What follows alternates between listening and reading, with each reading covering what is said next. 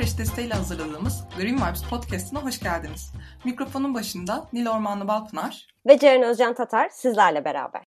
Bugün konuğumuz Yüksek Orman Mühendisi, akademisyen, doçent doktor Cihan Erdönmez ile birlikteyiz. Biliyorsunuz geçen pazartesi Marmaris Böldübet'te yine bir orman yangını çıktı. Çok zor kontrol altına alındı ve yaklaşık 4500 hektarlık bir alan yandı. Bu alanla birlikte can kaybı yoktu dense de her ne kadar. Binlerce hayvan, bitki ve mantar öldü o alanda. Bu yangın müsebbibiyle de biz orman yangınları konusunu bir uzmandan dinlemek ve ona sorular sormak istedik. Hocam dolayısıyla da sizi davet ettik ve davet kabul ettiğiniz için çok teşekkür ederiz. Rica ederim. Ben teşekkür ederim. Tekrar çok teşekkür ederiz hocam davetimizi kabul ettiğiniz için ama başlamadan önce biraz sizi tanıyabilir miyiz dinleyicilerimiz için? Tabii. Orman mühendisiyim sizin söylediğiniz gibi. İstanbul Üniversitesi Cerrahpaşa Orman Fakültesi'nde öğretim üyesiyim. Temel olarak yaptığım iş bu. Bir, akademisyenim ama bununla birlikte belgesel çekimleri, gazete yazıları, çocuklarla orman gezileri, hatta çocuk kitabı yazmak gibi akademisyenliğin tanımı içerisinde, doğrudan tanım içerisinde olmayan faaliyetlerim de var. Ama temelde bir orman mühendisiyim ve üniversitede hocalık yapıyorum. Teşekkürler hocam. Ben yangınlara hemen geçmek istiyorum izninizle. Ortalıkta çok fazla bir bilgi kirliliği söz konusu. Bu bilgi kirliliğiyle ilgili şeyleri netleştirmeden önce en basitten başlamak istiyoruz sorulara. Yangın nasıl çıkar? Bir yangının çıkması için ne gereklidir ve bir orman kendi kendine alev alabilir mi? diye temel soruları size yöneltmek istiyoruz. Evet, güzel bir soru. Bir yangın oluşabilmesi için, bir yangının oluşabilmesi için, daha doğrusu ateşin oluşabilmesi için üç temel faktöre ihtiyaç var. Bunlardan bir tanesi yanıcı madde, yanacak bir şeyin olması lazım.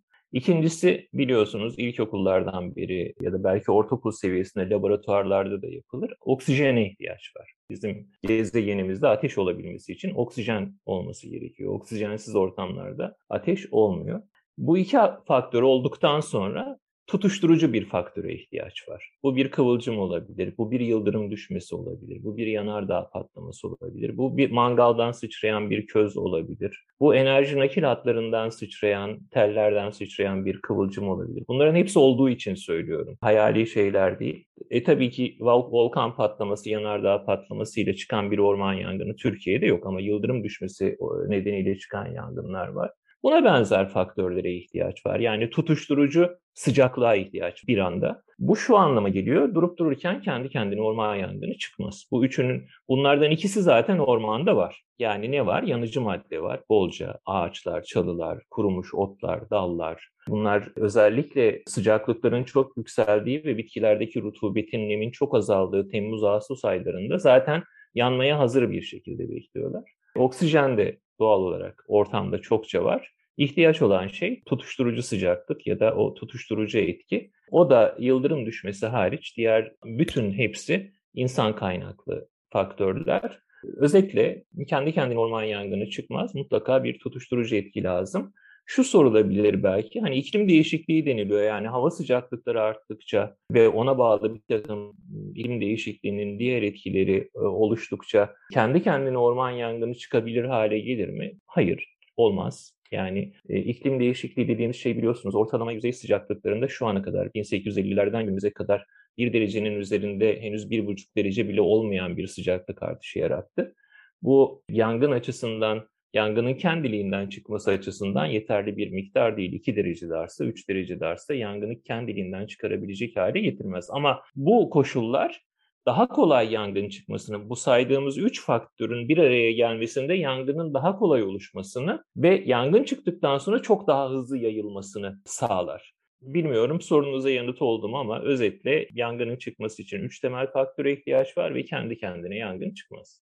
Peki hocam Türkiye'de çıkan orman yangınlarının sebebi nedir? Hani bazı açıklanan veriler var. Yüzde ikisi şöyle, yüzde 98'i böyle gibi. Biraz bu konuda da bahsedip bir şeyler anlatabilir misin?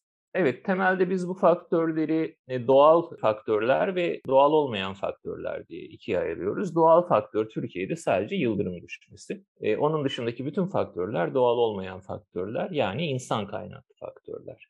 Kabaca sınıflandırmak gerekirse Türkiye'de çıkan her 10 yangının 9'u insan etkisiyle çıkıyor. Her 10 yangından bir tanesi yıldırım düşmesi nedeniyle çıkıyor. Ama şunu da ayırmak lazım. Yıldırım düşmesi nedeniyle çıkan yangınlar çok daha az etkili. Çünkü yıldırım biliyorsunuz fırtınalı havalarda düşüyor, kapalı havalarda. Rüzgarlı olabilir ama sıcaklığın düşük olduğu hatta yağışın olduğu havalarda yıldırım düşebiliyor. Dolayısıyla bu koşullarda çıkan bir yangının çok büyük bir yangın haline dönüşmesi olasılığı çok yüksek değil. O nedenle de yıldırım düşmesi nedeniyle çıkan yangınlara baktığımızda bir yangın başına yanan alan miktarı diğer yangınlara göre çok daha düşük.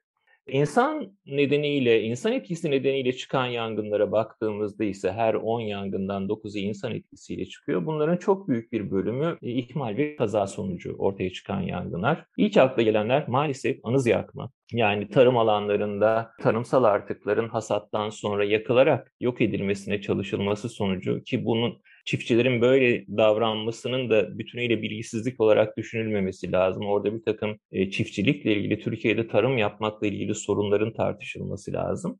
Ama anız ateşinin ormana sıçramasıyla çıkan yangın miktarı çok fazla. Mangal ateşinden, sigara izmaritinden, enerji nakil hatlarından kıvılcım sıçraması nedeniyle çıkan yangın miktarı çok fazla. Hatta çoban ateşi, avcı ateşi ya da avcıların avcılık faaliyeti sırasında yaratmış oldukları kıvılcımlardan çıkan yangınlar hatırı sayılır miktarda. Temel nedenler bunlar. Kamuoyunda çokça konuşulan işte kasıtlı olarak yangın çıkarılıyor ve hatta teröristler yangın çıkarıyor bilgileri Tabii bu bilgilerin doğru olup olmadığını bize teyit edecek olan Orman Genel Müdürlüğü ve emniyet güçleri. Yani çünkü yangınların nedenlerini araştırmak onların görevleri. Kasıtlı çıkarılan yangınlarda bir miktar var ama demin saydığım nedenler kadar değil. Fakat terörizm amaçlı çıkarılan yangınlar çok küçük miktarda. Uzun yıllar ortalaması her yıl Türkiye'de yaklaşık 2500 ila 3000 civarında kayıtlara geçen yangın çıkar.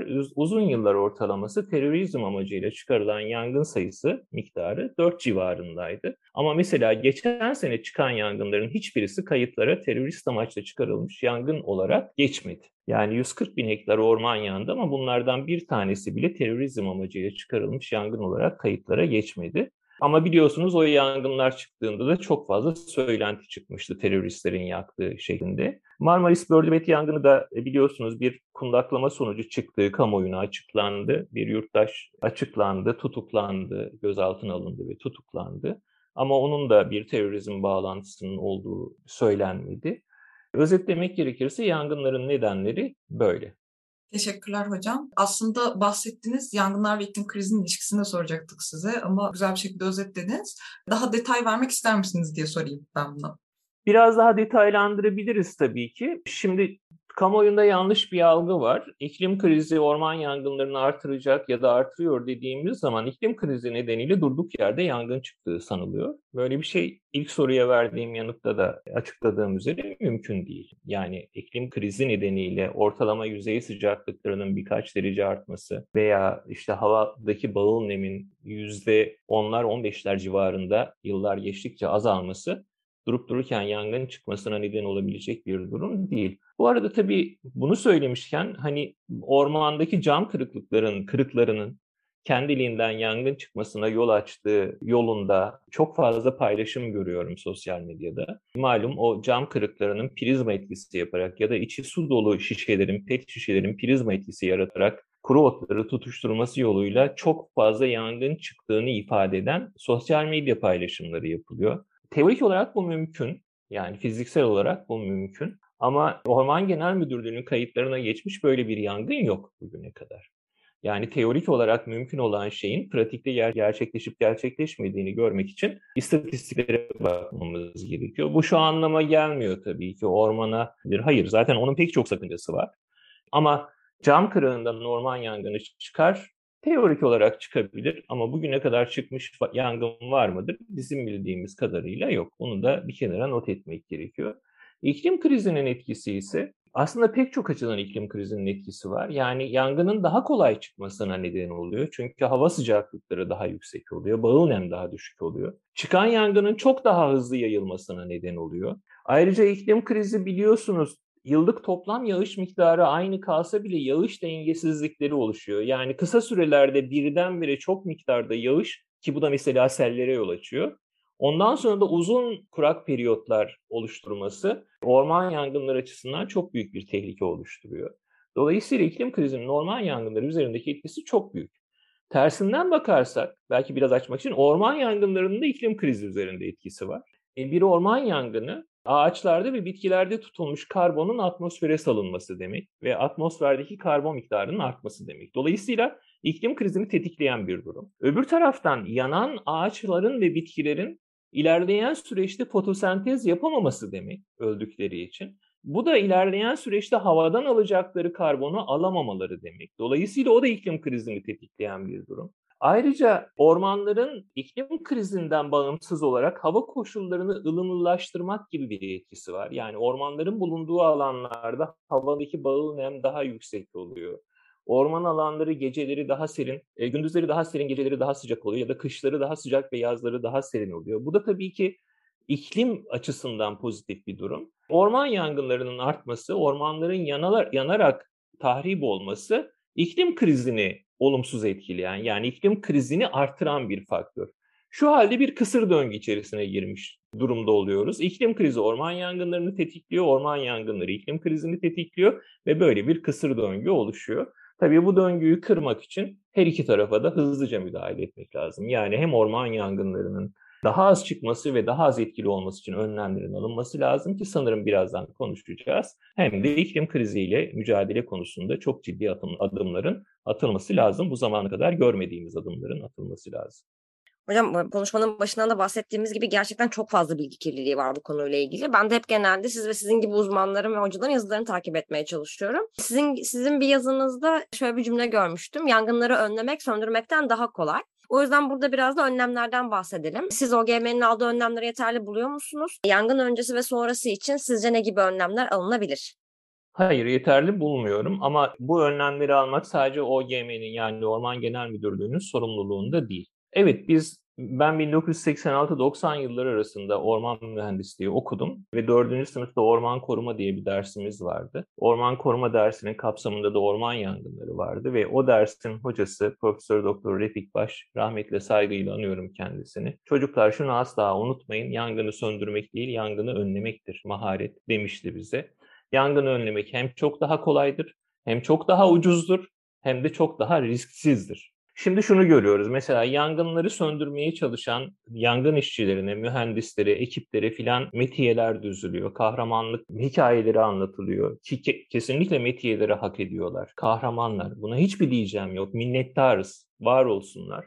Ama onlara yapılacak en iyi şey bu tür kahramanlık hikayeleri yazmak değil, onların mücadele etmek zorunda kalacağı yangınları çıkmadan önlemek. Bu da aslında kolay. Çok açık söylüyorum kolay. Şimdi Türkiye'de çıkan her 10 yangının 9 tanesinin insan etkisiyle çıkmış olduğunu daha önce söylemiştik biraz önce. Bu şu anlama geliyor. Teorik olarak her 10 yangından 9'u önlenebilir yangın. Örneğin elektrik nakil hatlarından çıkan yangınlar varsa elektrik nakil hatlarının bakımlarının düzenli yapılması, ve elektrik nakil hatları civarındaki orman parçacıkları ile ilgili yangın önleyici tedbirlerin alınması, yanıcı madde ile ilgili tedbirlerin alınmasıyla e, hepsi olmasa bile her 10 çıkan elektrik nakil hattı yangınından 5'ini, 6'sını, 7'sini önlememiz mümkün. Değil mi? Evet. Ama temelde şu sorun var. Biz yangınları önlemek konusunda göstermelik tedbirler alıp ciddi tedbirleri almıyoruz. Ciddi tedbir nedir ben size söyleyeyim mi? 6831 sayılı Orman Kanunu'nun 74. maddesine baktığımızda o kanun maddesine kanun yapıcı o hükmü koyarken bir şey düşünmüş olmalı.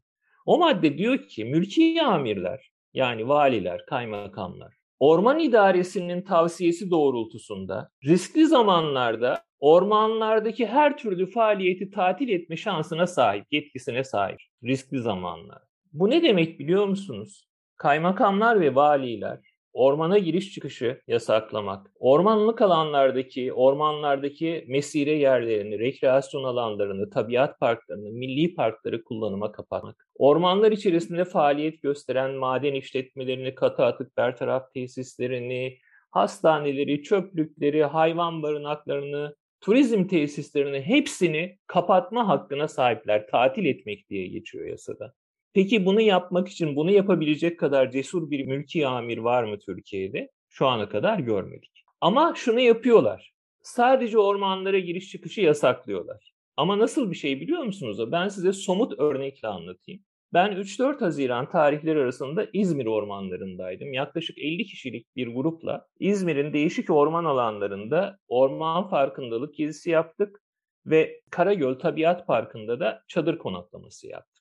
Karagöl Tabiat Parkı'na giderken jandarma kontrol yapıyordu çünkü İzmir Valiliği Haziran ayı için ormanlara giriş çıkış yasağı başlatmıştı. Çok güzel. Jandarma da nereye gidiyorsunuz diye soruyordu. Eğer ormana piknik yapmaya gidiyoruz desek bizi geri çevirecek. Ama biz nereye gidiyorduk? Ama orası tabiat parkı statüsüyle başka bir orman, sözde bir korunan alan. Ve orası bir işletmeciye verilmiş, kiralanmış. İşletmeciliğini bir özel bir şahıs ya da özel bir şirket yapıyor. Oraya para verilerek girilebiliyor. Dolayısıyla oraya giriş çıkışta bir yasak yok. Demin söylediğim işte o maden işletmeleri, diğer işletmeler onlarda da hiçbir yasak yok. Biz Karagöl Tabiat Parkı'na paramızı vererek girebiliyoruz. Şimdi söyleyeceğime şaşıracaksınız. Tabiat Parkı sınırlarında ateş yakmak da serbest. Hatta işletmeci ateş yakabilmemiz için bize teçhizat bile veriyor. Yarısı kesilmiş varil veriyor. Mangalınız varsa yakabilirsiniz diyor, teşvik ediyor. Tek kural var yerde yakmayın. Onun dışında her türlü ateşi yakmak da serbest bu alan. Şimdi bu ne perhiz, bu ne lahana turşusu. Yani yasak sadece ne biliyor musunuz? Siz, biz üçümüz mesela Nil Ormanlı, Ceren Özcan Tatar ve Cihan Erdönmez İzmir ormanlarında yürüyüş yapmak ve fotoğraf çekmek istese yasak. Çünkü yangın riski var. Ama Nil Ormanlı, Ceren Özcan Tatar ve Cihan Erdönmez İzmir'deki bu tür tabiat parklarına girip mangalla piknik yapmak istediğinde serbest. Çünkü orada bir ekonomi dönüyor.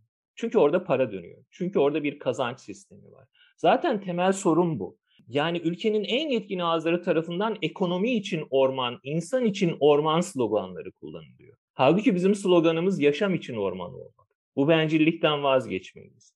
Dolayısıyla orman yangınlarını önlemek çok kolay. Ama bu kolay önlemleri alabilmek için kartları baştan dağıtmak lazım. Yani biz ekonomi için orman dediğimiz sürece yangınları söndüremeyeceğiz.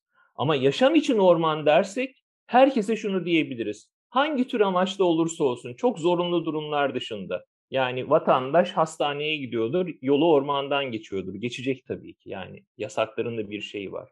Ama maden işletmesi dinamit patlatarak kazı yaparken ormanda Gariban vatandaş bir ağacın altına örtüsünü serip iki lokma bir şey yiyemiyorsa buna orman yangını için alınmış tedbir diyemeyiz maalesef. Bunlar göstermelik tedbirler.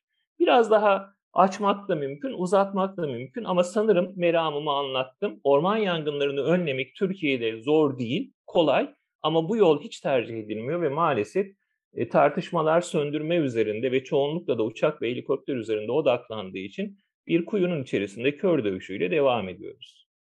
Çok teşekkür ederiz hocam. Gerçekten yani çok güzel vurgular oldu ve ikimiz de çok fazla not aldık bu süreçte. Ben buradan yangınların sonrası kısmına geçmek istiyorum müsaadenizle. Geçen seneki yangınlardan sonra herkes çözüm olarak fidan dikmeye odaklandı ve işte bu faaliyetlere vurgu çok fazla oldu. Ama daha sonra işte orman ekologları, e, sizler gibi orman mühendisi hocalarımız e, yanal alanlarda fidan dikilmemesi gerektiği konusunda ciddi uyarılarda bulundu. Bunun nedenini e, dinleyicilerimize anlatmak ister misiniz? Şöyle, anlatmak isterim. Bu da güzel bir soru. Şimdi orman yangınları Akdeniz tipi ekosistemlerde bolca çıkıyor. Dikkat ederseniz Karadeniz bölgesinde çıkan orman yangınına çok, yangınına çok rastlamıyoruz. Hatta İstanbul'un da mesela adalar kısmı Akdeniz tipi ekosistemdir. Heybeliada'da biliyorsunuz geçen sene ve önceki sene iki sene üst üste yangın çıktı. Ama İstanbul'un Belgrad Ormanı tarafında yangın çıkmıyor diyemeyiz. Yangın her yerde çıkar. Ama büyümez. Yani ekolojik özellikler ve iklim özellikleri yangının büyümesini önler doğal olarak. Tabii bu dediklerimiz iklim krizi sürecinde bütünüyle değişebilir. Çünkü iklim krizi vejetasyon tiplerinin değişmesine, bitkilerin göç etmesine de yol açacak ileriki 10 yıllarda. Dolayısıyla Akdeniz tipi ekosistemler daha kuzeye doğru yayılıp örneğin Karadeniz'in güney kesimlerini yavaş yavaş Karadeniz'in kıyı kesimlerini de kaplayabilir ilerleyen süreçte. Şu günkü durum için söylüyorum ben. Akdeniz tipi ekosistemler yangınla evrilmiş yani yangınla evrimleşmiş ekosistemlerdir. Bu ne demek? Akdeniz tipi ekosistemlerde insanların yaşadığı dönemlerden önce de yangınlar çıkmaktaydı yıldırım düşmeleri nedeniyle. Ve bu yangınlar yangına dayanıklı türlerin alanda kalması, yangına uyum sağlayan türlerin alanda kalması ve yangına uyum sağlayamayan türlerin alandan uzaklaşması gibi bir sonuç doğurdu. Kabaca anlatıyorum. Bu türler mesela kızılçam çokça eleştiriliyor biliyorsunuz. Yandığı için çam suçlu ilan ediliyor. Kızılçam yangına dayanıklı bir türdür. Çünkü her kızılçam ağacına baktığınızda üzerinizde olgunluk çağına erişmiş kızılçamlar için söylüyorum. Yüzlerce binlerce kozalak bulundurur daima ve o kozalakların içerisinde bolca tohum bulundurur. O kozalaklar yangın sırasında tohumları ateşin etkisinden korur ve yangın bittikten sonra ağaç ölse bile sıcaklıkla açılan kozalak pullarından tohumlar etrafa serpilerek yeniden kızılçam ormanları yetişebilir. Veya maki vejetasyonu, sert yapraklı ormanlar, maki vejetasyonu ya da diğer işte garik ve benzeri adlarla adlandırdığımız çalılıklar bunlar da mesela yangın sırasında köklerini korumayı başarırlar ki mesela en büyük yangınlarda bile toprağın 5 santimetre derinliğinin altındaki organizmalar yaşamlarını devam ettirebilirler. Yani o 5 santimetrelik kısım bir yangın koruma kıyafeti gibi organizmaları koruyabilir. Yangın geçtikten sonra o köklerinden yeşeren yeni sürgünlerle hayatlarını devam ettirebilirler. Bütün bunları söyleyince bazı dinleyiciler şunu sorabilir. Ya madem mesele böyle biz bu yangınları niye bu kadar büyütüyoruz ki? Yani o zaman bırakalım yansın nasıl olsa orman kendini yeniliyor. Hayır öyle de değil. Çünkü ekosistemin uyumlu olduğu yangınlar doğal çıkan yangınlar. Doğal nedenlerde çıkan yangınlar. O yangınların hem sayısı çok azdı hem de yangın başına yanan alan miktarı çok azdı. Ama şimdi insan etkisiyle çıkan yangınlar o kadar çok ve sayı sayı olarak ve o kadar e, fazla alanı yakıyor ki bu şekilde bu yangınlarla mücadele etmeden ekosistemin yangına uyumlu bir şekilde evrimleşmiş olmasına güvenerek ekosistemin devamlılığını güvence altında tutmamız mümkün değil. Dolayısıyla yangınlara karşı önlemler almamız gerekiyor. Gelelim yangın oldu bitti ne yapacağız meselesine. Bu dediğim özellik yani o ekosistemin yanan alanın, yanan ormanın kendi kendini yenileyebilme, rehabilite etme ya da restore etme özelliği büyük oranda mevcuttur. Ama bilemeyiz bazı oran, bazı yerlerde de bu mevcudiyet ortadan kalkmış olabilir. Bir nedenle oradaki kızılçamlar bol tohum tutmamış olabilir. Bir nedenle oradaki maki örtüsünün kökleri de zarar görmüş olabilir. Bir nedenle yangından sonra çok şiddetli yağışlar yağmıştır Toprakla birlikte tohumlar filan da erozyonla taşınmıştır. Dolayısıyla yeniden ağaçların ve e, maki florasının yetişebileceği bir ortam ortadan kalkmış olabilir. O halde yapılması gereken ne? Bir, yanan alanın detaylıca etüt edilmesi, gözden geçirilmesi ve alanın yanan alanın hangi alanlarında ormanın, ekosistemin kendini rehabilite etme potansiyeli var, hangi alanlarında yok? Bunun saptanması lazım. Kendini rehabilite etme potansiyeli olan alanların kendi haline bırakılması ve kendi kendini yenileyebilmesi çok önemli. Çünkü biz dışarıdan bir fidan getirip diktiğimizde o bölgenin genetik kodlamasına uygun olmayan, o bölgenin e, ağaçlarında bulunan genetik kodlamaya uygun olmayan başka genetik kökenli bitkileri alana getirmiş oluyoruz. Böylelikle bir genetik kirlilik ortaya çıkmış oluyor. Ama eğer alanda işte kayalıklar ortaya çıkmışsa, toprak niteliğini yitirmişse, yeterli tohum bulunmuyorsa, kökler yeterince sağlığını koruyamamışsa bu zaman bu sefer de o tür alanlarda tohum serpmek yoluyla, toprak işlemek yoluyla, fidan dikmek yoluyla doğanın desteklenmesi söz konusu olabilir. Peki Türkiye'de ne yapılıyor? Türkiye'de yapılan şu. Yangın söndükten sonra, her şey bittikten, söndürme ve soğutma çalışmaları tamamlandıktan sonra yanlış ağaçların bile ekonomik bir değeri var. O ağaçların kesilerek alandan uzaklaştırılması ve piyasaya sürülmesi gerekiyor. Orman Genel Müdürlüğü bunun çok dikkatli yapılması lazım. Çünkü o ağaçları kesip alandan uzaklaştırırken de ekosistemin kendini yenileyebilme potansiyeline zarar vermek mümkün. Orman Genel Müdürlüğü maalesef büyük ölçekli dikili satış ihaleleri yaparak bu işi büyük şirketlere havale ediyor büyük şirketlerde en kısa zamanda, en ucuz şekilde, en pratik şekilde bu işi nasıl yapacaklarsa öyle yapıyorlar. Nasıl yapıyorlar? İş makinalarıyla alana giriyorlar. Ürünü çıkarmak için büyük yollar açıyorlar. İş makineleri her yerde çalışıyor. Ağaçlar kesiliyor, sürütme yollarından taşınıyor. Makin kamyonlar giriyor, onları taşıyor. Tabii bütün bu faaliyetler demin söylediğim ormanın kendi kendini rehabilite etme potansiyeline zarar veriyor. Halbuki o çok hassas bir işti. Bunun böyle ince ince nakış işler gibi yapılması gereken bir iş makinalarla kör gözün parmağına yapılıyor. E bu sefer de tabii alanda işte tohumlar eziliyor, kökler zedeleniyor, toprak sertleşiyor ya da toprak niteliğini kaybediyor. Hele de o sıralarda bu işler yapılırken şiddetli yağışlar filan da olursa bir taraftan da toprak erozyonu meydana geliyor filan. Elimizde tek çare olarak ne kalıyor? Makinalı toprak işlemeyle fidan dikerek ağaçlandırma yapmak kalıyor. Yani sistem bir şekilde yanlış işlediğinde bir noktasında yine ekonomi öncelikli orman anlayışı yangından sonra bile yapacaklarımızı olumsuz etkiliyor. Özetlemek gerekirse yangından sonra yapılacaklarla ilgili tek bir reçete yok.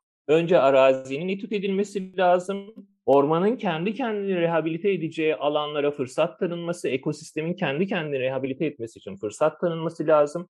Elbette yanan alanlardaki orman ürünü odunda heba edilmemeli. Onların da kesilerek piyasaya sürülmesi evet. Yani ekonomi öncelikli orman olmasın diyoruz ama ekonomi bütünüyle göz ardı edilsin de demiyoruz. Öyle de anlaşılmama. Ama bunun hassas bir şekilde çok fazla makine kullanmadan emek yoğun bir şekilde orman köylüleriyle ekosisteme zarar vermeden, toprağa çok fazla zarar vermeden, hayatiyetini koruyan kök ve gö- gövdelere zarar vermeden, toprağa serilmiş tohumlara zarar vermeden yapılması. Belki biraz fazla zaman alır bu. Belki biraz daha pahalıya mal olur ama bu şekilde yapılması gerekir. Bir şekilde yangından sonra kendi kendini rehabilite etme potansiyeli olmayan alanlarda ise doğanın insan tarafından desteklenmesi ama bu tohum serpme olur ama bu fidan dikme olur. Bir şekilde desteklenmesi lazım. Kamuoyuna şunu söylemek lazım. Orman Genel Müdürlüğü'nün ağaçlandırma yapma potansiyeli zaten var ve yapıyor zaten bu ağaçlandırmayı. Dolayısıyla yangın olduktan sonra haydi fidanlarımızı kapalım ormana koşalım filan bu belki biraz vicdanları rahatlatıyordur. Belki biraz sezgisel bir davranıştır. Ama bunun pratikte yarattığı hiçbir fayda yok. Bunu da bilmeleri lazım. Hocam zaten geçen seneki yangınlardan sonra tema açıklama yapmıştı. Şimdi önce fidan bağışı başlatın diye böyle bir kamuoyundan bir baskı vardı. Sonra başlattılar. Sonra işte yangın ekologları, uzmanlar, hocalar hani hayır bu yapılmaması gerekiyor dendi. Ondan sonra insanlar temaya gene yüklendi. Niye dikiyorsunuz dikmemek gerekiyormuş diye şey açıklaması yapmışlardı hani. Biz de biliyoruz hani dikilmemesi gerektiğini ama çok büyük bir kamuoyu baskısı vardı üzerimizde diye böyle bir açıklama yapmışlardı. Onu hiç unutmuyorum. Ama aslında biz de böyle öğreniyor oluyoruz. Çok fazla bilgi kirliliği var hani dediğimiz gibi. Bunlardan bir tanesi de en temel, en can alıcı soruyu sormak istiyorum hocam. Yanan alanlar orman olacak mı? Şimdi ben bunu zaten mesela sizinle örnekle birlikte yaptığınız podcast'ten dinlemiştim ve bu arada ben de bilmiyordum yani. Hani ben de ay kesin otel yapacaklar diye yanıyor diye ben de öyle düşünüyordum. Sizin sayenizde ben de öğrenmiş oldum. Hani hem bunu biraz aydınlatırız hem de belki biraz da bu orman kanunu ve yasalardan bahsederiz. Hani evet aslında ormanları yangınlardan koruyan bir yasamız var. Ama aynı zamanda yanmayan ormanlık alanları korumayan da bir yasamız var. Çünkü mesela bir sabah Cumhurbaşkanı kararnamesiyle veya bir yönetmelik değişikliğiyle ormanlık alanlar, zeytinlikler maden, madenciliğe açılıyor. Ormanlık alanlar ormanlık statüsünden çıkarılıyor. Hani hem biraz bu yanan ve yanmayan ormanları koruyan kanunlardan bahsedebilir miyiz? Tabii ki memnuniyetle. E, şimdi ormanları yangına karşı koruyan madde demin söylediğim Orman Kanunu'nun 74. maddesi ama uygulanmıyor. Bunu uygulayacak kadar cesur orman idarecileri ve mülki amirler olmadığı için uygulanmıyor. Hatta suçu bütünüyle onlara atmayalım. E, onlar da çünkü biliyorsunuz böyle bunları uygulayacak olsalar orman idarecisi olarak ya da mülki amir olarak kalamazlar o koltukta. Düşünsenize bir valinin o ildeki bütün orman içerisinde yapılan bütün faaliyetleri durdurduğunu yangın tehlikesi nedeniyle sanıyorum ki 3 güne kararnamesi çıkar ve merkeze çekilir oraya bir başka vali atanır.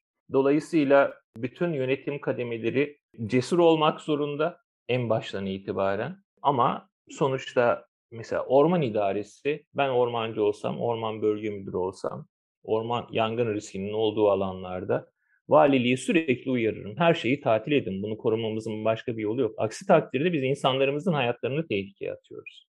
Yani 3-5 kişi para kazanacak diye ya da ne bileyim ben işte toplumun gözüne şirin görüneceğiz diye almadığımız önlemler nedeniyle binlerce hektar ormanımızı kaybediyoruz. Yüz binlerce canlıyı, milyonlarca mikro, yani mikroskobik canlıları düşünürsek trilyonlarca, trilyarlarca canlının hayatını tehlikeye atıyoruz.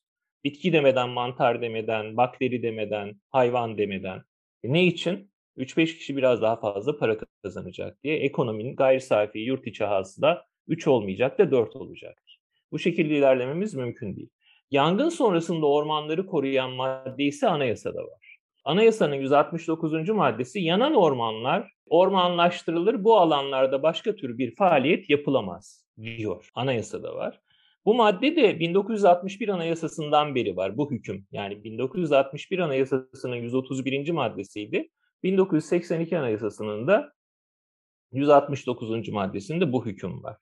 Dinleyiciler şunu sonra söyleyebilirler. Ya Cihan Erdönmez güzel söylüyor. Anayasada bu madde var da bizim anayasamızda neler neler var. Düşünce ifade özgürlüğü de var. Gösteri yapma özgürlüğü de var da işte olmuyor o işler diye.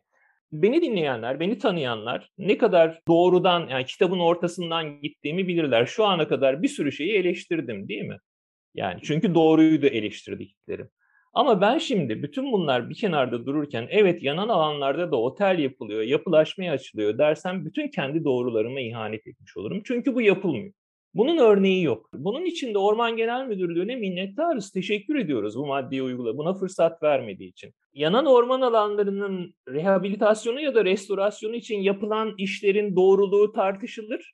Ama Orman Genel Müdürlüğü yanan orman alanlarında ormancılık dışı bir kullanıma izin vermiyor. Bir, otel çok konuşuluyor değil mi? Turizmi Teşvik Kanunu 8. maddesine göre sağlıklı bir orman alanında otel yapılabiliyor zaten. Hangi akılsız otel işletmecisi Turizmi Teşvik Kanunu 8. maddesine göre ormanda otel yapmak varken ormanı yakıp otel yapmaya çalışır? Herkes şu anda bu podcast'i tatil beldelerinden de dinleyecekler olacaktır. Denize girdiğiniz yüzdüğün mesela orman, o otellerin bahçelerine 80 yaşında 100 yaşında kızılçamların olduğu otel bahçelerinde denize giriyorsunuz. Beyler bayanlar kendinize gelin. Buralar yanan alanlar değil. Buralar normal ormanken turizm tesislerine verilmiş alan.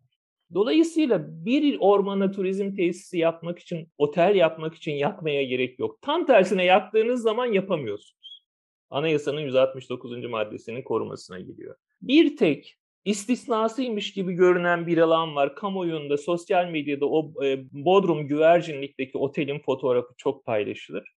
Onunla ilgili durum da şu. Orman daha yanmadan o turizm tesisine, işletmeciye orman tahsis edilmiş otel yapılması için.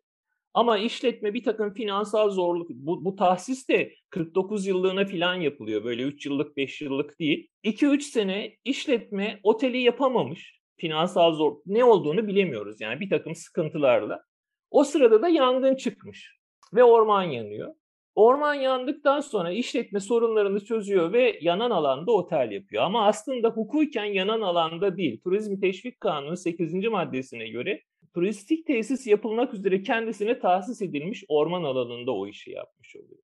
Dolayısıyla bilgi kirliliği, bakın bu da şuna yol açıyor. Orman yangınlarına sırf bu açıdan yaklaşıldığında bir sürü başka hata, gerçekte hata yapılmayan, hata gibi görünen bir şeyin perdelemesiyle arka plana itiliyor birincisi. İkincisi de işte mesela işte hükümet mensupları ya da Orman Genel Müdürlüğü yetkilileri şöyle deme hakkına sahip oluyorlar. Bizi eleştirenler dünyadan haberi yok, hiçbir şeyi bilmiyorlar, boş boş konuşuyorlar. O zaman da hayır boş boş konuşmuyorlar diyemiyorsunuz. Çünkü bunu söyleyenler gerçekten boş boş konuşuyor.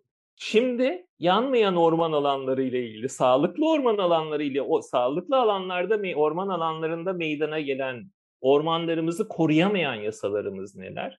Bir tanesini söyledim. Turizmi Teşvik Kanunu'nun 8. maddesi. Her ne kadar o turizm bölgesinde bütün orman alanının işte binde beşini geçmemek kaydıyla tahsis edilir dense de o binde beş çok yüksek rakamlara karşılık geliyor. Diyelim ki mesela İstanbul'da 250 bin hektar yaklaşık olarak 230 bin hektar orman alanı var. Sadece İstanbul için düşünürsek bunun binde beşi demek 2.3 11 bin hektar civarında orman alanı yapar belki de yanlış hesapladım ya da 1100 hektar civarında orman alanı. Bir hektarın 10 bin metrekare olduğunu düşünürsek onu da 1100 ile çarparsak artık hesap iyice karışık olur. Yani milyonlarca metrekare alanda turizm tesisi yapılabilir hale gelir. Benzer şekilde Orman Kanunu'nun 16, 17 ve 18. maddeleri doğrultusunda ormanlarımızda 40'tan fazla tür işletme kurulabiliyor. Bunlardan ilk akla gelenler maden işletmeleri tabii ki. En vahim olanları olduğu için. Enerji üretim tesisi, ormanda nükleer santral kurulabiliyor. Ormanda termik santral kurulabiliyor. Kuruluyor da zaten. Geçen sene bir tanesi yangın içinde kaldı biliyorsunuz. E, Milas yangınında bir termik santral yanma tehlikesi geçirdi. Ormanda yollar yapılabiliyor, havalimanları yapılabiliyor, ormanda çöplükler kurulabiliyor, ormanda özel üniversite kurulabiliyor, ormanda hayvan barınağı kurulabiliyor ki yani bir hayvan severi olarak bunu söylerken üzülüyorum. Hani buna da karşı ama ormanda bu kadar çok tesis yapılmasına izin veren bir başka ülke yok dünya. Ve buna bu da ne, neyin arkasına sığınılarak yapılıyor biliyor musunuz? Kamu yararı kavramının arkasına sığınılarak yapılıyor. Çünkü yolun kamu yararı var, hastanenin kamu, özel üniversitenin kamu. E peki ormanın orman olarak korunmasının kamu yararı yok mu? Yani ormana yaptığımız bir taş ocağı işletmesi ormanın orman olarak korunmasından daha mı fazla kamu yararı üretiyor? Yoksa o taş ocağı işletmesi belirli kişilere mi çok fazla yarar üretiyor? Eğri oturup doğru konuşmak lazım. Bunlarda kamu yararı yok. Bunlarda kişisel çıkarlar var. Dolayısıyla ormanlarımıza en çok zarar veren bunlar. Sizin söylediğiniz gibi 2018 yılında Orman Kanunu'na bir ek 16. madde ilan edildi. Bir Cumhurbaşkan başkanlığı, Cumhurbaşkanlığı bile değil, Cumhurbaşkanı kararı ile, karar da o şekilde çok eskiden bakanlar kurulu deniliyordu. Şimdi Cumhurbaşkanı kararı ile tarım olmasında fayda var, yerleşim alanı olmasında fayda var ya da zaten yerleşime dönüşmüş denilerek orman alanları orman sınırları dışarısına çıkarılabiliyor. Yani orman alanlarında ormancılık dışı faaliyetler sınırsız bir şekilde yapılabiliyor. Bakın bir rakamla söyleyeyim size. Sadece 2012-2020 yılları arasındaki 9 yıllık periyotta 2021 rakamlarını incelemedim henüz. Zaten açıklamadı da Orman Genel Müdürlüğü. Orman, 2021 ormancılık istatistiklerini açıklamadı bildiğim kadarıyla. Son 3-5 günde açıkladıysa bilmiyorum ama daha önce açıklamadı. 2012-2020 yılları arasında ormanlarımızda 55 bin tane işletme kurulmuş. Bunların çoğu maden ve enerji işletmesi. Bu neye yol açıyor biliyor musunuz? Orman yangınlarına dönüyor. Bu işletmeler için yollar yapılıyor. Bu işletmelerin içerisine insanlar giriyor. Bu işletmelerde dinamit patlatılıyor. Bu işletmelere kamyonlar giriyor. Hafriyat kamyonları giriyor. E bu yangınları bunlar da çıkarıyor bir taraftan. Ayrıca yangını bir kenara koyalım. Ekosistem parçalanması, fragmentasyon dediğimiz çok ciddi bir ekolojik sorun var. Bir ekosistemin bütünlüğünü bozmak ve parçalara ayırmak. Ben size yine Orman Genel Müdürlüğü'nün rakamlarıyla söyleyeyim mi? 2008 ve 2019 yıllarında Orman Genel Müdürlüğü iki farklı çalışma yapıyor. Aynı çalışmayı iki farklı yılda yapıyor. 2008-2019. Yaklaşık 10-11 yıl arayla. 2008 yılında Türkiye'deki ormanların parça sayısı 100 bin civarında yaklaşık olarak. Yani bütün ormanlar yaklaşık 100 bin parçadan meydana geliyor. 2019 yılında ne kadar biliyor musunuz? 156 bin. %56 parça sayısı var. Yani ormanlarımız parçalara bölünmüş durumda. Biraz daha açayım. 10 hektardan küçük orman parçaları 2008'den 2018 19'a %120 oranında artıyor. Ama 100 hektardan büyük ya da 1000 hektardan büyük orman parçalarının sayısı ise azalıyor. Bu ne demek biliyor musunuz? Ormanlarımız büyük ve kompakt ekosistemlerden küçük küçük ağaç, ağaççıklara dönüşüyor. Ekosistem parçalanması bu. E bu neye yol açıyor? Neden oluyor bu? E ormanda bu kadar tesis yapılmasına izin verirseniz orman parçalanıyor. Bu orman parçalanmasının şu anda detaylarına giremeyeceğim kadar çok ekolojik hasara yol açtığını da bir kenara not etmek lazım. Orman Genel Müdürlüğü'nün kendi raporlarında da bu hasarlar, bu zararlar açık bir şekilde yazıyor. Meraklılar Google'a sürdürülebilir orman yönetimi kriter ve göstergeleri değerlendirme raporu OGM diye yazarlarsa hem 2008 raporuna hem 2019 raporuna PDF olarak ulaşıp benim dediklerimi kendileri de görebilirler. Yani orman yangınları çok önemli bir sorun ama yanmayan orman alanlarında da, sağlıklı orman alanlarında da kıyametler kopuyor maalesef Türkiye'de. Hocam ben asıl soruma geçmeden önce bu anlattığınızı birlikte kafamda canlanan çok kısa bir soruyu soracağım. Orman yolları da bu orman parçalanmasına sebep olarak dahil mi acaba? Şimdi bazı ormancılık, orman yolları dediğimiz şey eğer ormancılık faaliyetlerinin yürütülmesi için Orman Genel Müdürlüğü'nün açmış olduğu yollar ise tabii ki ekosistemi parçalar ama orman yolları o kadar dar ve o kadar ekosisteme uyumlu yapılıyor ki o bir parçalanmaya yol açmıyor. Esas parçalanmaya yol açan mesela kuzey ormanlarından böyle bir fay hattı gibi geçirilen Kuzey Marmara otoyolu bir parçalanmaya yol açıyor. Havalimanı ekosistemi parçalıyor. Bunlardan bahsediyorum. Bir maden işletmesinden söz edebiliriz. Turizm tesislerinden söz edebiliriz. Orman yolları orman ekosisteminin aslında doğal bir parçası değil tabii. Ormanda yol mol olmaz ama ormancılık faaliyetlerinin normal ormanın devamlılığını sağlamak için yapılması gereken bakım, silvikültürel müdahaleler, gençleştirme gibi faaliyetlerin yapılabilmesi için e, tabii ki ormancılık teşkilatının ve işçilerin de alana bir, bir takım ulaşım araçlarıyla at üstünde gitmeleri mümkün değil artık eskisi gibi. Dolayısıyla bazı yollar yapılıyor ama bu yollar o kadar doğayla uyumlu ve o kadar minimum zararla yapılıyor ki onların bir parçalanma yarattığını söylemek doğru olmaz. Çok teşekkür ederim hocam. Buradan asıl soruma geçiyorum. Şimdi aslında kamu otoritesinin ne yapabileceğini konuştuk. O zaten hani orman çalışanları, orman işçilerinin yangın sırasında ne kadar mücadele verdiğini ve işte paralelinde kamunun alacak kararlarla birlikte işte kanunları nasıl uygulanacağını da konuştuk ama bireylere geldiğimizde bizim için bireylerin hareketleri, davranışları çok önemli. Bireylere geldiğimizde böyle durumlarda yangınlar sürecinde çok çaresiz hissettiğimiz oluyor. Kayıt öncesinde de bahsettiğim gibi özellikle Marmaris'te olan yangınlarda ben ne yapacağımı şaşırıyorum mesela. Düşün, yani düşünmekten başka hiçbir şey gelmiyor elimden. Yangın alanlarından uzaksa yapmazsak hele bu daha da e, kafa karıştırıcı bir hal alıyor. Bu noktada bireysel olarak neler yapabiliriz? Mücadeleye nasıl destek verebiliriz? Yani önlemek için yapacağımız şeyler aslında sıkça değindik. Ama tekrarlarsak ve işte mücadele kısmında da ne yapacağımızı konuşursak çok oluruz. Peki. Şimdi bu tabii bu sorunuza birkaç ayakta cevap verebilirim. Bunlardan birincisi o orman yangınlarını çıkaran insanlar biz de olabiliriz. Ya oradan başlamak lazım. Ben geçen gün bir başka yayında şunu söyledim. Yaklaşık en az 1 milyon yıldır ateşi kullanıyoruz biz insanlar olarak. Ateşi bulduk diyoruz ya aslında ateşi bulmadık. Sadece kontrol altında kullanmayı öğrendik. 1 milyon yıl önce Homo erectus'ların yaşadığı mağaralarda ateşin kontrollü olarak kullanıldığına ilişkin işaretler var. Bir, ateşi bulduğumuzu unutmamız lazım. Çünkü ateşi bulmak demek ateşi istediğimiz zaman yakmak, istediğimiz zaman söndürmek demek. Artık istediğimiz zaman söndüremiyoruz ormanı. Dolayısıyla dinleyen herkese kulaktan kulağa söylemeleri için her türlü orman faaliyetinde ateşin ağası olabilecek hiçbir faaliyete tevessül etmemeleri lazım. Sigara içmek dahil olmak üzere. Yapacaksanız bunu girmeyin ormana lütfen.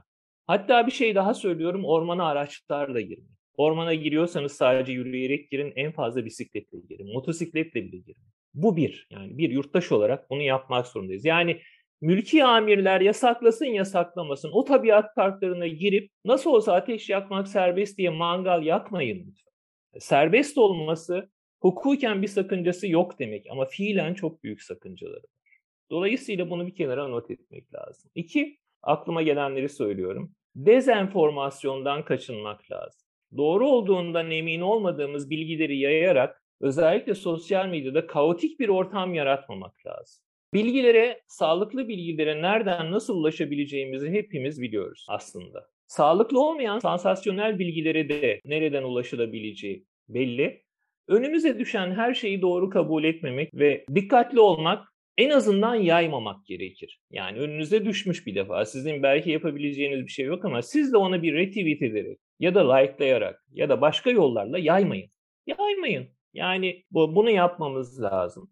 Orman yangınları konusunda uzaktaysak bir defa yani ne yapılabilir? Ben mesela olabildiğince sakin kalmaya çalışıyorum.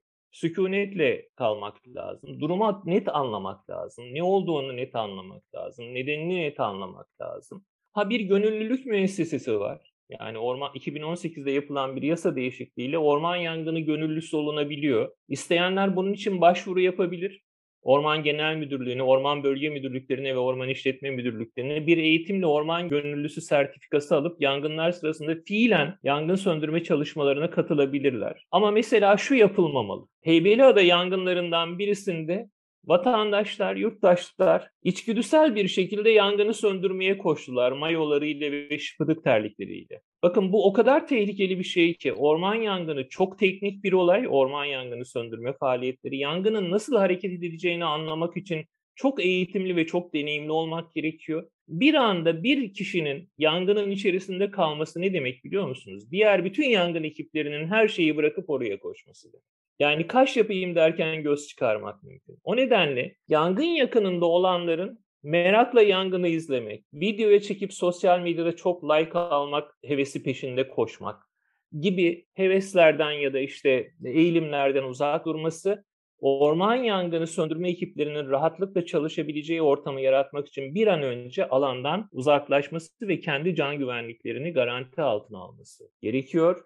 Mesela bana en çok sorulan şey yaralı hayvanlar için neler yapabiliriz orman yangınları sırasında? Elimize geçerse kaplumbağalar, işte ne bileyim küçük memeliler, sincaplar, tavşanlar falan diye. Bir defa yani hayvanların da yangınlara karşı bir takım refleksleri var. Büyük memeliler e, çoğunlukla kaçmayı çok rahatlıkla kaçabiliyorlar. Ayı, kurt, çakal, tilki gibi, ceylan, karaca gibi. Küçük memeliler biraz daha kaçmak konusunda zaafları var. Saklanmayı daha çok tercih edebilirler. Sürüngenler daha çok saklanmak yolunu tercih ediyorlar. Kuşlar tabii çok en avantajlı grup gibi görünüyor ama şu düşünülmüyor. Yani yuvaları varsa, yuvalarında uçmamış kuşlar varsa, yavrular varsa ya da yumurtlama dönemine denk gelmişse kuşlar da çok büyük zararlar görebiliyorlar. Ve şu unutulmamalı tabii canını kurtarsa bile yaşam ortamı yok oluyor. Dolayısıyla doğrudan olmasa bile dolaylı zararlar görebiliyorlar. Ama doğrudan zarar görmüş hayvanlar için en iyi yöntem şu, en pratik yani hayvanın türüne bakılmaksızın. Bir defa ellememeliyiz. Mümkünse bir bezle, bir kıyafetle sararak onu alandan uzaklaştırmalıyız.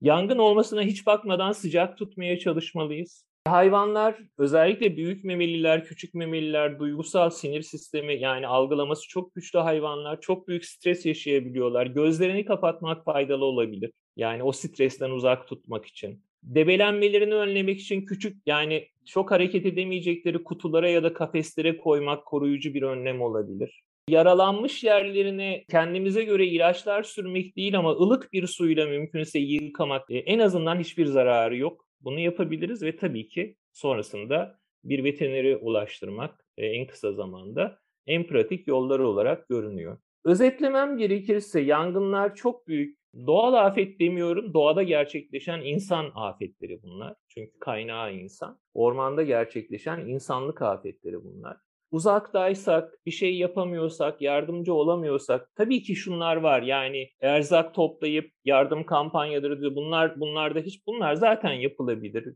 Yapılıyordur da tahmin ediyorum. Ama panikle hareket etmemek, bilgi yaymak konusunda güvensiz bilginin, doğruluğundan emin olmadığımız bilginin yayılması konusunda tedbirli olmalıyız. Yangın alanına gidip kaos yaratmaktansa uzakta durup sakince durumu takip etmek daha yararlı olabilir. Yangın alanına yakınsak, eğitimsizsek, deneyimsizsek mümkün olduğunca alanı terk edip uzaklaşıp uzmanların daha rahat hareket etmesini sağlamak çok önemli. Ve tabii ormanda, ormanda olduğumuzu unutmadan ama ateşi bulduğumuzu unutarak davranmamız çok önemli. Ateşi bulduğumuzu unutmak zorundayız. Biz insanlığın hayatında en azından Mayıs ve Ekim ayları arasında ormana giriş çıkışlarda ateşi bulduğumuzu unutmak ve ateşi hayatımızdan bütünüyle çıkarmak lazım. Bu piknikçiler için de doğru, bu yürüyüş yapanlar için de doğru, bu avcılar için de doğru, bu çobanlar için de doğru, bu çiftçiler için de doğru. Hiçbir istisnası yok bunun. Hocam çok teşekkür ederiz. Bu arada gerçekten o kadar değerli bilgiler paylaştınız ki bizimle. Ben böyle bir yandan not mu alayım, dinleyeyim mi söyledim tam tekrar dinlerim öyle yazarım diye de durmadan onu şey kendi içime dengelemeye çalışıyorum. Son olarak sizin eklemek istedikleriniz var mı? Var. Orman Genel Müdürlüğü Orman Yasası tarafından orman yangınlarına karşı mücadele etmekte görevlendirilmiş temel organizasyon. Ormancılık sanıldığının aksine Türkiye'nin en köklü mesleklerinden birisi. Benim görev yaptığım okul 1857'de kuruldu. Orman Genel Müdürlüğü 1839'da kuruldu. Birisi 180 yıllık, 180-183 yıllık, birisi 170 küsür yıllık iki organizasyondan bahsediyoruz. Fakat son yıllarda, son dönemlerde çok büyük zafiyete uğradı. Orman Genel Müdürlüğü'ne yangınları söndürme sırasında her türlü desteği vermek yurttaşlık sorumluluğumuz ama Orman Genel Müdürlüğü'nün yanlışlarını ve eksikliklerini de söylemek zorundayız. Birincisi Orman Genel Müdürlüğü 183 yıllık bu organizasyon yanlış hesaplamıyorsam, yanlış hesaplıyorsam özür dilerim ama galiba 183 yıllık bu organizasyon İdeal kadrosu 80 bin personel olmasına rağmen günlük olarak yaklaşık 40 bin personelle çalışıyor. Yani yarı yarıya personelle çalışıyor. İkincisi personelin içerisindeki iş güven güvencesi olmayan sözleşmeli personel, danışman mühendis, sözleşmeli işçi, mevsimlik yangın işçisi gibi personelin sayısı toplam içerisinde giderek artıyor. İş güvenliği olan personelin sayısı azalırken iş güvenliği olmayan personelin. İş güvenliğinin olmaması aynı zamanda deneyiminin de yetersiz olması, bilgisinin de yetersiz olması demek. Öbür taraftan artık duymayan kalmadı. Sağır Sultan duydu. Bütün kamu kuruluşlarının olduğu gibi Orman Genel Müdürlüğü'nde de atama ve yükseltmelerde siyaset en etkili mekanizma. Siyaseten yakın olanlar belirli pozisyonlara geliyor. Siyaseten uzak olanlar yetkisiz, etkisiz pozisyonlarda oluyor. Bu nedenle de bilgisizler yetkili, bilgililer yetkisiz pozisyonlarda kaldı. Şimdi bu saydığım çerçevede Orman Genel Müdürlüğü'ne yangınla mücadele eden her bir orman işçisine sonsuz derecede minnettarız. Ama Orman Genel Müdürlüğü başarılı çalışan bir organizasyon olma özelliğini giderek kaybediyor. Bunları da söylemek bizim sorumluluğumuz. Mesela rotasyon uygulaması diye bir uygulama var. Belirli bir sene bir yerde çalışan bir personel mecburen bir başka yere gitmek zorunda. Aynı yerde çalışamaz. Halbuki ormancılıkta alanı tanımak, araziyi tanımak, hani bir orman işletme şefi en küçük birimden bahsediyorum. Minimum 50 bin 60 bin hektar ormandan sorumlu. Yani iki yılda zaten görev yaptığı ormanı ancak tanıyabiliyor. Toprağıyla, bitkisiyle, arazi yapısıyla, yollarıyla. Zaten bu rotasyon uygulaması da benzer şekilde siyaseten rakip görünenlerin cezalandırılması amacıyla kullanılan bir kırbaç niteliğinde. Zaten pozitif bir amacı da yok. Şöyle söyleyeyim, Tarım ve Orman Bakanlığı bünyesinde 20'den fazla genel müdürlük var. Zorunlu rotasyon sadece Orman Genel Müdürlüğü'nde uygulanıyor. Bunu bile söylemem sanırım yeterli. Yani madem yararlı bir uygulama bu, niye diğer genel müdürlüklerde uygulanmıyor? Diğer genel müdürlüklerde uygulanmama nedeni Orman Genel Müdürlüğü'nde niye geçerli değil gibi pek çok soru sorulabilir. Ama 183 yıllık bir örgüt, diğer bütün alanlarda olduğu gibi orman yangınlarına karşı mücadele konusunda etkisiz, etkisizleşmiş ve yetkisizleşmiş durumda.